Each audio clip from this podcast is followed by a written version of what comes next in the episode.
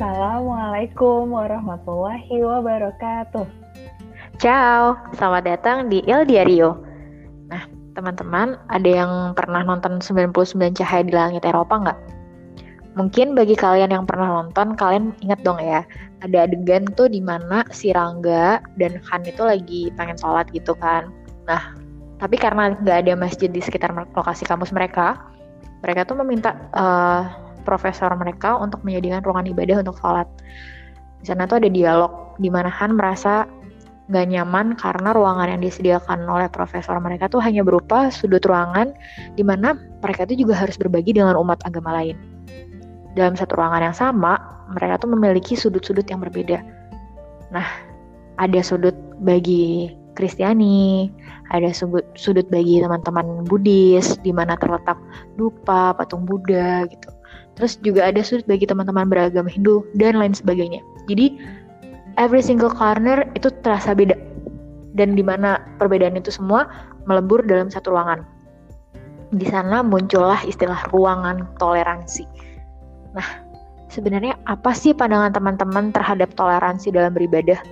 Nah, apakah kondisi yang digambarkan dalam film tersebut itu normal terjadi bagi teman-teman yang tinggal di benua biru? Sebenarnya apa aja sih uh, kesulitan dan kendala yang dialami kami sebagai teman-teman yang um, lagi tinggal jauh di luar uh, di jauh dari bumi pertiwi dalam beribadah di benua biru. Kira-kira apa coba? Nah, kalau dari aku nih, uh, hal yang paling mendasar dan yang paling umum dialami untuk teman-teman yang tinggal di Eropa itu adalah pertama waktu sholatnya itu berubah ya, jadi tergantung musim. Nah ini juga nanti akan berpengaruh pada durasi puasa. Kedua, tentang kendala ketika kalau sholatnya itu bertabrakan dengan waktu kuliah. Ketiga, fasilitas beribadah di kampus. Dan yang keempat itu adalah gimana kalau misalnya kita tuh sholat tapi tidak menemukan tempat ibadah gitu ya. Nah, uh, mungkin aku bisa cerita sedikit pengalaman aku ketika aku di Italia ini gimana. Nah, ini secara garis besar, jadi tuh uh, benua biru itu kan uh, ini ya empat musim gitu di Pungki di uh, Inggris juga empat musim.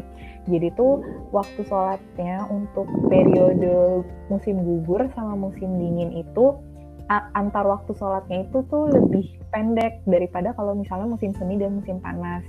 Misalnya kalau misalnya waktu pas lagi musim dingin nih, nah itu tuh bisa kita zuhur jam 12, asar setengah tiga, maghrib itu setengah lima, isya itu setengah tujuh. Nah, nanti dari waktu isya ke subuh tuh agak panjang. Nah, kalau misalnya pas musim panas itu bisa uh, subuhnya jam 3, zuhurnya setengah setengah dua habis itu asarnya setengah enam maghribnya jam sembilan isyanya jam setengah sebelas atau jam sebelas gitu. Nah jadi tuh dari situ aja kan uh, waktu sholatnya udah berubah-berubah nih kan? Jadi di situ gimana kita harus memanagenya. Dan itu juga nanti berkaitan sama ibadah puasa. Nah kalau misalnya dari aku kebetulan di kampus aku tuh sudah ada tempat uh, beribadah. Tapi itu memang konteksnya masih ruangan toleransi itu sih sama seperti pengalamannya si Rangga sama Han yang di cerita 99 Cahaya di Langit Eropa. Uh, dan di situ memang kita harus bertoleransi, kita harus gantian. Kalau misalnya ada uh, umat agama lain yang beribadah di situ, ya sudah biarkan mereka beribadah. Dan kebetulan juga ruangannya sempit, jadi uh, tidak bisa dibuat untuk jamaah yang banyak banget gitu tuh nggak bisa gitu. Bahkan uh, kalau per, kalau misalnya tidak memungkinkan untuk berjamaah gede biasanya tuh kita bikin kloter gitu. Jadi sholat jumatnya tuh di kloter. Bahkan sholat biasa aja kalau misalnya kita merasa jarak antara cewek sama cowoknya terlalu dekat nih kita akhirnya gantian kalau misalnya cowoknya lagi beribadah yang ceweknya nunggu di luar kayak gitu. Itu yang aku alami kalau yang pas lagi kuliah di uh, Milan ini kayak hmm. gitu. Nah, terus uh, kalau misalnya ini ya dari kendala ketika waktu sholatnya bertabrakan sama kuliah. Nah, itu juga akhirnya aku jadi suka ini sih izin gitu di tengah di tengah-tengah waktu kuliah ya sebenarnya kalau misalnya izin sih kita misalnya bebas ya bisa keluar keluar aja gitu kan tapi ya, ya itulah yang aku manfaatkan gitu jadi uh, kadang di tengah-tengah kuliah itu ada break sekitar 10 sampai 15 menit ya udah akhirnya aku keluar uh, nyari kalau misalnya pas lagi nabrak waktu sholat akhirnya aku sholat di luar. Habis itu nanti baru balik lagi ke kelas. Ya emang agak telat sih tapi uh, profesornya sih mungkin kalau udah S2 kali ya jadi tidak mempermasalahkan tentang hal itu. Kayak gitu. Nah terus ya itu. Nah kalau misalnya tidak menemukan tempat beribadah nih kalau misalnya kalau misalnya konteksnya kita lagi traveling gitu ya kalau di Milan itu akhirnya aku biasa untuk sholat di taman di bawah pohon di sitting room terus di deket-deket tangga darurat gitu. Aku biasanya sholat di situ gitu deh Pung. Kalau Pung gimana nih Pung ceritanya? Ih perjuangan banget ya mau apa ibadah aja. Ya uh, gimana ya sejauh ini sih apa yang mbak alami mbak ceritain itu um, plus minus kita sama. Mm -hmm. dalam arti uh, untuk cari tempat ibadah itu juga susah di beberapa negara terutama kalau kita lagi traveling ada kalanya kita terpaksa harus sholat di open space gitu kan mm -hmm. tapi lucu tuh waktu tuh pernah lagi nunggu uh, train lagi nunggu kereta gitu mm-hmm. tiba-tiba ada krom gerombolan uh, anak-anak yang kayaknya memang mereka tuh lagi study tour mm-hmm. uh, kemudian ada beberapa di antara teman-teman pramuka ini itu muslim gitu mm-hmm. terus mereka berkelompok berlima itu cari sudut sudut dari jadi ada tempat mesin ruangan mesin tiket gitu hmm. yang emang baik jadi mereka sholat di situ di situ tuh rasanya wah indah banget ya. hmm. ya hiruk pikuk orang yang ada lalu lalang di stasiun gitu mereka masih menyempatkan untuk sholat gitu kan hmm. itu ngelihatnya pemandangan yang gimana ya sebuah pemandangan yang wah menenteramkan hati gitu hmm. terus hmm. aku ada sedikit cerita nih mbak hmm. jadi masalah tentang kendala waktu ketika sholat hmm. waktu bertamu dengan kuliah hmm. jadi um, pernah ada pengalaman menarik gitu. Aku bertemu sama temen, salah satu temen, uh, dia itu dari Senegal. Mm-hmm. Nah, jadi Senegal itu salah satu negara di West Afrika mm-hmm. yang penduduk Muslimnya cukup banyak, termasuk mayoritas lah ya. Mm-hmm. Jadi sharing gitu tentang bagaimana dia mengatur jadwal sholat ketika dia ketika misalnya jadwal itu bentrok dengan jadwal kuliah gitu. Mm-hmm. Nah lucunya dia itu menjamak sholat, jadi semua sholatnya itu dijamak di waktu isya. Hmm. Karena apa ya kebetulan itu waktu itu winter, jadi waktu maghribnya itu lebih awal gitu kan. Hmm. Nah jadi ketika pulang kampus itu udah gelap banget, udah kira-kira ya masuk mau masuk waktu isya atau bahkan udah azan isya gitu. Hmm. Jadi mak zuhur, asar hmm. itu bersamaan maghrib dan isya hmm. di rumah. Hmm jadi awalnya tuh aku berpikiran oh ini mungkin hanya kebijaksanaan dia pribadi gitu mm-hmm. terus rupanya ketika aku pindah ke Italia aku menemukan cerita yang serupa gitu mm-hmm. dari teman yang berasal dari negara lain gitu mm-hmm. nah aku mulai berpikiran ini tuh apakah benar gitu mm-hmm. nah ternyata ada salah, salah satu fenomena yang memang kadang tuh kita temui itu bahwasanya manusia itu suka mencocok-cocokkan hmm. kadang itu membuat fleksibilitas gitu, hmm. kemudahan yang diberikan sama Allah secara berlebihan gitu. Oh, Oke. Okay. Jadi kalau dari aku ya, aku hmm. rasa itu kemudahan Allah berikan itu udah banyak. Hmm. Jangan sampai kita tuh mengutamakan pekerjaan kita dan menunda beribadah hmm. atas dasar toleransi dan fleksibilitas itu. Gitu. Hmm. Tadi istilah masalah tentang toleransi hmm. uh, dalam ber, beribadah gitu. Hmm. Kan tadi ada bilang ruang toleransi. Nah, apakah toleransi yang kayak gini tuh sebenarnya juga boleh gitu? Kan kalau dari saya ya, hmm. kalau dari aku tuh toleransi kemudahan yang ada udah cukup banyak yang Allah kasih. Jangan sampailah kita tuh uh, toleransi yang kebablasan gitu. Hmm. Hmm. Hmm. hmm. Gitu kalau dari aku. Iya sih. Nah, menurutmu gimana? Iya sebenarnya ini juga ini sih itu juga aku alami juga sih Pung sama banget ya maksudnya ada temen aku uh, itu dia dari uh, Pakistan dan dia menerapkan hal yang sama gitu nah berhubung berhubung aku tuh nggak tahu. Maksudnya aku sampai sekarang masih belum tahu ya maksudnya apakah ada sebuah uh, tuntunan atau sebuah ilmu yang memperbolehkan hal tersebut. Akhirnya aku uh, ya udah aku biarin aja gitu. Maksudnya terserah dia kalau misalnya dia memang percaya pada hal tersebut ya, ya sudah gitu. Karena aku memang tidak belum ada basic ilmunya gitu. Kayak boleh nggak sih gitu kan? Soalnya dari yang aku tahu uh, yaitu maksudnya fleksibilitas dan kemudahan yang aku tahu itu hanya ketika kita lagi safar gitu. Jadi jadi kalau misalnya kita lagi safar kita diperbolehkan untuk menjamak sholat dengan yang mungkin kita udah banyak tahu ya misalnya kayak zuhur sama asar maghrib sama isya gitu udah gitu. Yang aku tahu itu doang. Nah kalau yang itu tuh malah karena aku nggak tahu jadi aku cenderung ya udah mem membebaskan dia mau gimana gitu. Tapi aku tetap menunjukkan sikap aku bahwa ini waktunya sholat ya udah aku mau sholat kayak gitu.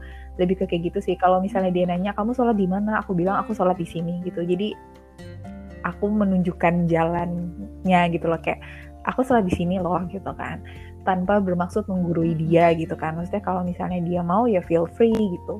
Jadi ke kayak gitu sih pung. Nah iya bener-bener bener, Mm -mm. kalau dari teman-teman ada yang tahu tentang pengetahuan tentang hal ini boleh banget sih di share ke kita.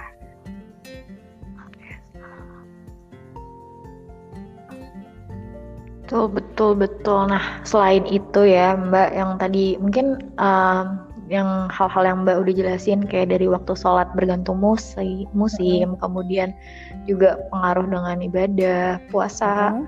kendala so waktu sholat, fasilitas gitu kan. Hmm. Nah, aku tuh ada salah satu pengalaman lain. Jadi waktu itu menem pada saat uh, ceritanya sebenarnya pada saat aku menempuh pendidikan master di Prancis sih. Jadi kan Prancis itu salah satu negara Eropa yang warga muslimnya cukup banyak lah ya dibandingkan negara Eropa lain gitu. Artinya uh, di situ aku punya ekspektasi ketika ada hari-hari besar Islam maka akan ada libur gitu. Rupanya ternyata tidak. Jangan jadi jangan berharap meskipun Anda tinggal di negara uh, yang mayoritas muslimnya maksudnya muslimnya cukup banyak. Hmm bukan berarti disediakan waktu libur saat Idul Fitri atau Idul Adha. Hmm. Jadi pernah tuh uh, harus mempersiapkan ujian disertasi hmm. di minggu-minggu akhir Ramadan. Hmm. Bahkan deadline-nya itu um, pas banget di hari Lebaran. Hmm. Jadi ya udah nggak tidur di malam takbiran, justru malah kerja rodi menyelesaikan presentasi disertasi. Hmm. Terus juga belum lagi tuh juga harus menunda syawalan sama teman-teman yang lain karena harus cepat-cepat bergegas ke kampus gitu loh setelah sholat itu. Hmm, hmm. Jadi ketika sholat itu udah selesai itu teman-teman dari um, PPI di sana itu udah pada oke okay, ayo kita ngumpul syawalan gitu kan makan-makan. Hmm, Saya nggak bisa harus cepet-cepet pulang karena harus nyiapin presentasi untuk ini disertasi hari oh, itu. Iya. Jadi Iya sedih banget. Itu sih salah satu kendala juga kalau misalnya teman-teman apa uh, tinggal di negara yang maksudnya ma tidak mayoritas muslim dan mungkin ini sangat berbeda ya dengan apa yang kita alami di uh, Indonesia hmm, gitu. Hmm, hmm. Ya ampun Pungki, tapi ya alhamdulillah ya sekarang sudah berlalu. iya, hmm. gitu. Kalau kemarin pengalaman di UK gimana Pung yang pas itu? Eh Idul Fitri. Uh, ya kebetulan kan kayak yang aku sampaikan di sebelumnya podcast sebelumnya tentang apa namanya uh, Lebaran di sini hmm. karena kebetulan pa pada saat kita lagi pandemi ini jadi nggak begitu terasa ya. Hmm. Cuman uh, tem apa ya aktif sih maksudnya kita ada syawalan online kayak gitu hmm. aja. Tapi kurang tahu nih untuk kayak kalau misalnya dalam kondisi normal itu kayak gimana. Hmm. Nanti mari kita lihat di tahun-tahun berikutnya. Iya, Bu, insya Allah semangat ya. Iya, uh, nah itu pengalamannya Pungki tadi itu aku sendiri belum pernah merasakan ya, maksudnya karena kebetulan pas lagi Idul Fitri itu adalah pas lagi libur ibaratnya minggu tenang sebelum exam jadi ya kita lebih fleksibel mengatur waktu kita gitu tapi temen aku tuh ada yang yang kayak pungki gitu jadi begitu selesai sholat id kayak udah ya guys gue harus ke kampus nih karena gue ada kelas gitu kan ya udah dia langsung caw ke ininya ke kampusnya gitu nah terus uh, ya kita ini ya kita ngobrolin gimana sih Ramadan gitu. Tadi kan kita udah spoiler nih syawalannya kayak gini gitu kan. Sebenarnya gimana sih Ramadannya? Nah kalau untuk Ramadannya itu emang beda banget ya karena kalau di Indonesia itu kan mayoritas sama ya. Jadi kita berpuasa itu 14 jam kurang lebihnya. Dan itu pasti segitu gitu. Tapi kalau misalnya di sini itu enggak. Jadi kalau misalnya uh, puasanya pas lagi di musim panas itu kita bisa sampai 18 jam itu uh, berpuasa. Tapi kalau misalnya kita pas lagi musim dingin nih, misalnya kayak lagi mau ngeganti puasa atau misalnya puasa sunnah Senin Kamis, itu kita bisa berpuasa hanya 10 jam aja gitu. Jadi karena empat musim itu dan waktu sholatnya juga bervariasi, makanya durasi berpuasanya juga bervariasi gitu. Hmm, ya. Kemarin berapa jam nih mbak kira-kira? Aku nggak di Itali. Aku kemarin uh, 6, 16 sampai 17 setengah gitu. gitu. Iya iya. Hmm. Ya kalau bener-bener sih kayak di awal pernah tuh ngalamin waktu di Italia di Eropa ya kayak uh, di awal-awal puasa itu kita puasa mungkin hanya 16 jam mm-hmm. gitu kan terus begitu di akhir bulan Ramadan itu tuh bisa sampai 17 jam iya bener banget tapi rupanya yeah. mbak di sini mm-hmm. di UK itu 18 jam 18 jam tuh jadi 18 jam jadi aku puasa uh, subuh itu jam mm-hmm. 3 uh, imsya jam 3 lebih hmm. dikit lah terus bukanya jam 9 hmm. setengah 10 gitu jadi sekarang hmm. aja ini kita tuh hmm, maghrib itu sekitar jam berapa ya jam 10 oh. kurang sekarang nih iya jadi luar biasa untung aja udah selesai ya, udah, udah tantangan banget lah kalau misalnya uh, mungkin bagi ada teman-teman yang lagi dengerin kita mm -hmm. diskusi ini pengen sekolah di luar harus mempersiapkan mental itu ya. Jadi ketika ada Ramadan datang tuh jangan mengendurkan niat kita Betul. gitu karena pernah tuh kejadian ada teman-teman yang uh, oke okay, puasanya ikut jam di Indonesia aja ah jam 5 jadi ketika udah subuh hmm. gitu mereka baru baru memutuskan untuk puasa kemudian bukanya jam 6 hmm. gitu. Padahal jam 6 di sini baru hmm, asar. ada iya iya. uh, ada ada fenomena kayak gitu tuh ada gitu di sini hmm. tapi ya uh, wallahu alam yang bener mana gitu sampai sekarang pun saya juga masih bertanya-tanya hmm. kan apakah benar kayak gitu karena setahu hmm. aku itu kita puasa dari matahari sebelum matahari hmm. terbit dan uh, sampai matahari tenggelam hmm. gitu. Jadi aku tetap ngikutin nunggu matahari. Kalau aku hmm. sih gitu. Lebih mantapnya iya, gitu. Itu sudah pengalaman gak sahur nggak pun? Pengalaman Gimana? gak sahur? Eh kelewat sahur. Oh pengalaman gak sahur. kelewat sahur. Alhamdulillah pas di sini uh -huh. enggak karena lucunya kami kan uh, baru bu baru apa ya buka puasa itu kan ya jam sepuluhan ya sepuluh mm -hmm. kurang gitu kan sembilan lebih jam sepuluh kurang jadi uh, isyanya itu baru sekitar jam sebelas oh. dipakai untuk nyantai bentar kemudian sholat mm. terawih itu harus udah segera menyiapkan masakan untuk sahur. Jadi diterusin. Oh. Gitu. Jadi kita baru tidur itu setelah subuh itu nanti baru istirahat sampai sekitar jam 8 jam 7 jam 8 sebelum waktunya beraktivitas hmm, lagi hmm, gitu. Hmm, hmm, iya sih benar seperti iya, itu. Iya. gitu juga bisa sih. Teman-teman aku juga terutama kalau yang dapat cerita dari yang cowok-cowok nih ya itu kayak mereka lebih milih untuk nggak tidur -hmm. daripada daripada aku tidur kemudian kebablasan gitu nggak sahur itu itu juga sih. Bener-bener. Tapi aku tuh pernah loh nggak nggak sahur. Terus itu adalah puasa pertama aku di Eropa dan maksudnya periode Ramadan pertama aku di Eropa. Kemudian aku tuh ada berapa hari dua hari atau tiga hari tuh nggak sahur gitu. Terus aku tuh udah negatif thinking aja kan. Aku pikir wah gila. Waduh. aku tuh udah negatif thinking aja kan. Aku pikir wah gila gue puasa 18 jam. Kalau misalnya gue pingsan di jalan ya udahlah ya gitu. Gitu kan gitu bahkan aku sempat terus aku cerita gitu kan sempat cerita ke orang tua aku bilang eh, uh, aku aku nggak puasa nih eh aku nggak puasa aku nggak sahur nih gitu kan terus malahan sempat kayak ya udah mbak kalau misalnya nggak kuat ya udah nanti dibatalin aja gitu. Tapi aku bertekad enggak enggak enggak aku pasti bisa aku pasti bisa. Kalau misalnya aku harus pingsan di jalan ya udah nggak apa-apa gitu. Yang penting aku puasa gitu. Terus kodarullah ya Allah alhamdulillah akhirnya kuat gitu kan. Aku pikir sumpah mau aku tuh pikirnya kayak udah oh gila kayak gue ini pingsan di jalan gitu kan. Terus ya udah akhirnya alhamdulillah dikuatkan. Akhirnya bisa gitu alhamdulillah. Terus sekarang sekarang jadi malah ini deh sahurnya tuh kayak apa ya kayak pasta misalnya ibaratnya kayak ya udah pasta doang atau sereal doang gitu tapi alhamdulillah kuat Iya, kuat ya. Di awal-awal mungkin berat, tapi ketika kita udah sekali dua kali bisa melakukannya itu akan lebih ringan gitu ya dan uh, ya nggak bukan sesuatu yang wah susah banget untuk dilakukan dan nggak mungkin untuk dilakukan ya mbak ya. Benar-benar.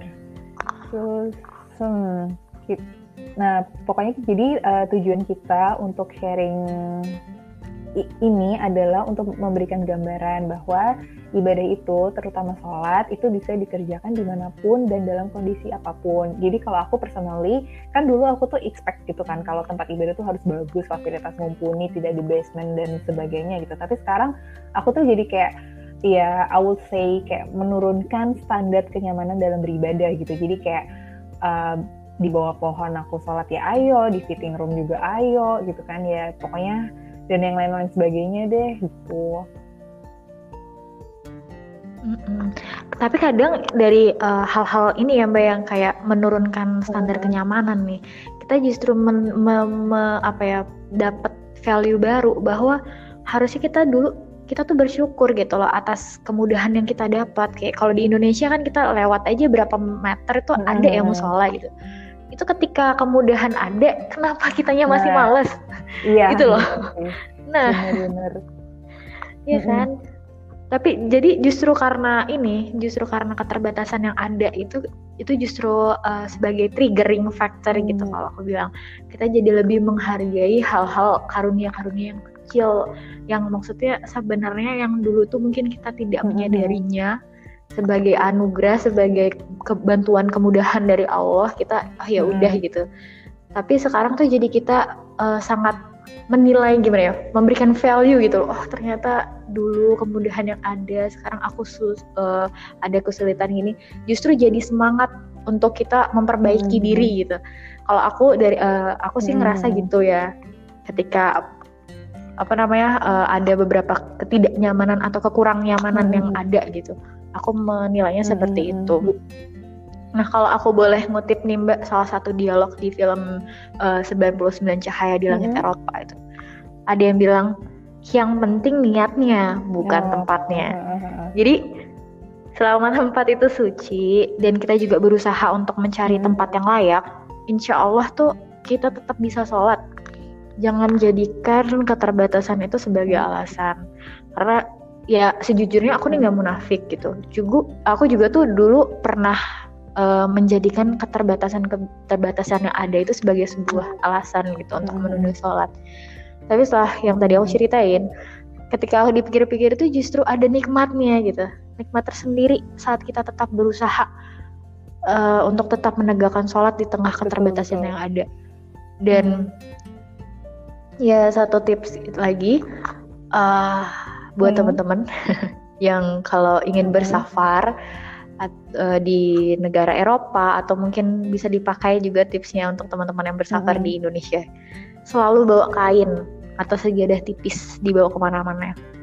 Gitu. Shawl juga bisa dipakai gitu. Jadi kadang, jadi dulu tuh ada kasus aku tuh mau sholat gitu di musol, uh, sorry hmm. di perpustakaan nggak ada tempat sholat ya kebetul kebetulan kan kita selalu apa uh, di, bisa dibilang booking ya, booking ruangan hmm. untuk belajar gitu kan. Ada sudut hmm. di situ. Kita bisa Pak menggunakan sudut-sudut ruangan yang ada hmm. untuk sholat. Cuman kadang kayak kita bingung karena kita nggak ada sajadah. Jadi shawl itu bisa digunakan hmm. sebagai sejadah atau kalau punya uh, ya itu apa kain kecil gitu itu ya, harus dibawa ke mana-mana. Benar, itu survival gitu. In case kita nggak menemukan hmm. masjid ya. Iya itu survival kit. Buat yang nanya belinya di mana, itu ada di mana-mana. Online ada, Amazon ada, gitu. Jadi promosi, promosi promo pengalaman lagi.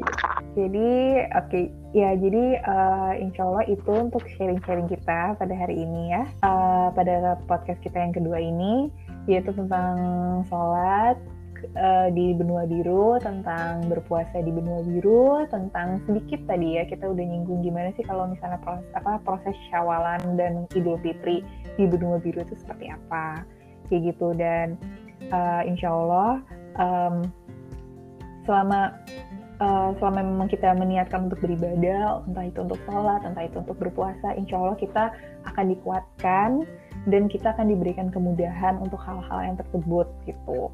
Karena uh, itu kan bentuk kita bersyukur ya bentuk kita bersyukur bentuk kita berdoa terhadap apa pun nikmat yang sudah diberikan kepada kita gitu. Termasuk berkesempatan untuk mengenyam pendidikan di benua biru seperti itu. Ya. Uh, semoga juga bahasan kali ini kita bermanfaat ya. Uh, mohon maaf kalau misalnya ada kesalahan dalam penyampaian. Uh, semoga kita tetap juga semangat beribadah meski dalam kesulitan-kesulitan kita yang berbeda-beda. Sampai jumpa. Wassalamualaikum warahmatullahi wabarakatuh. Ciao.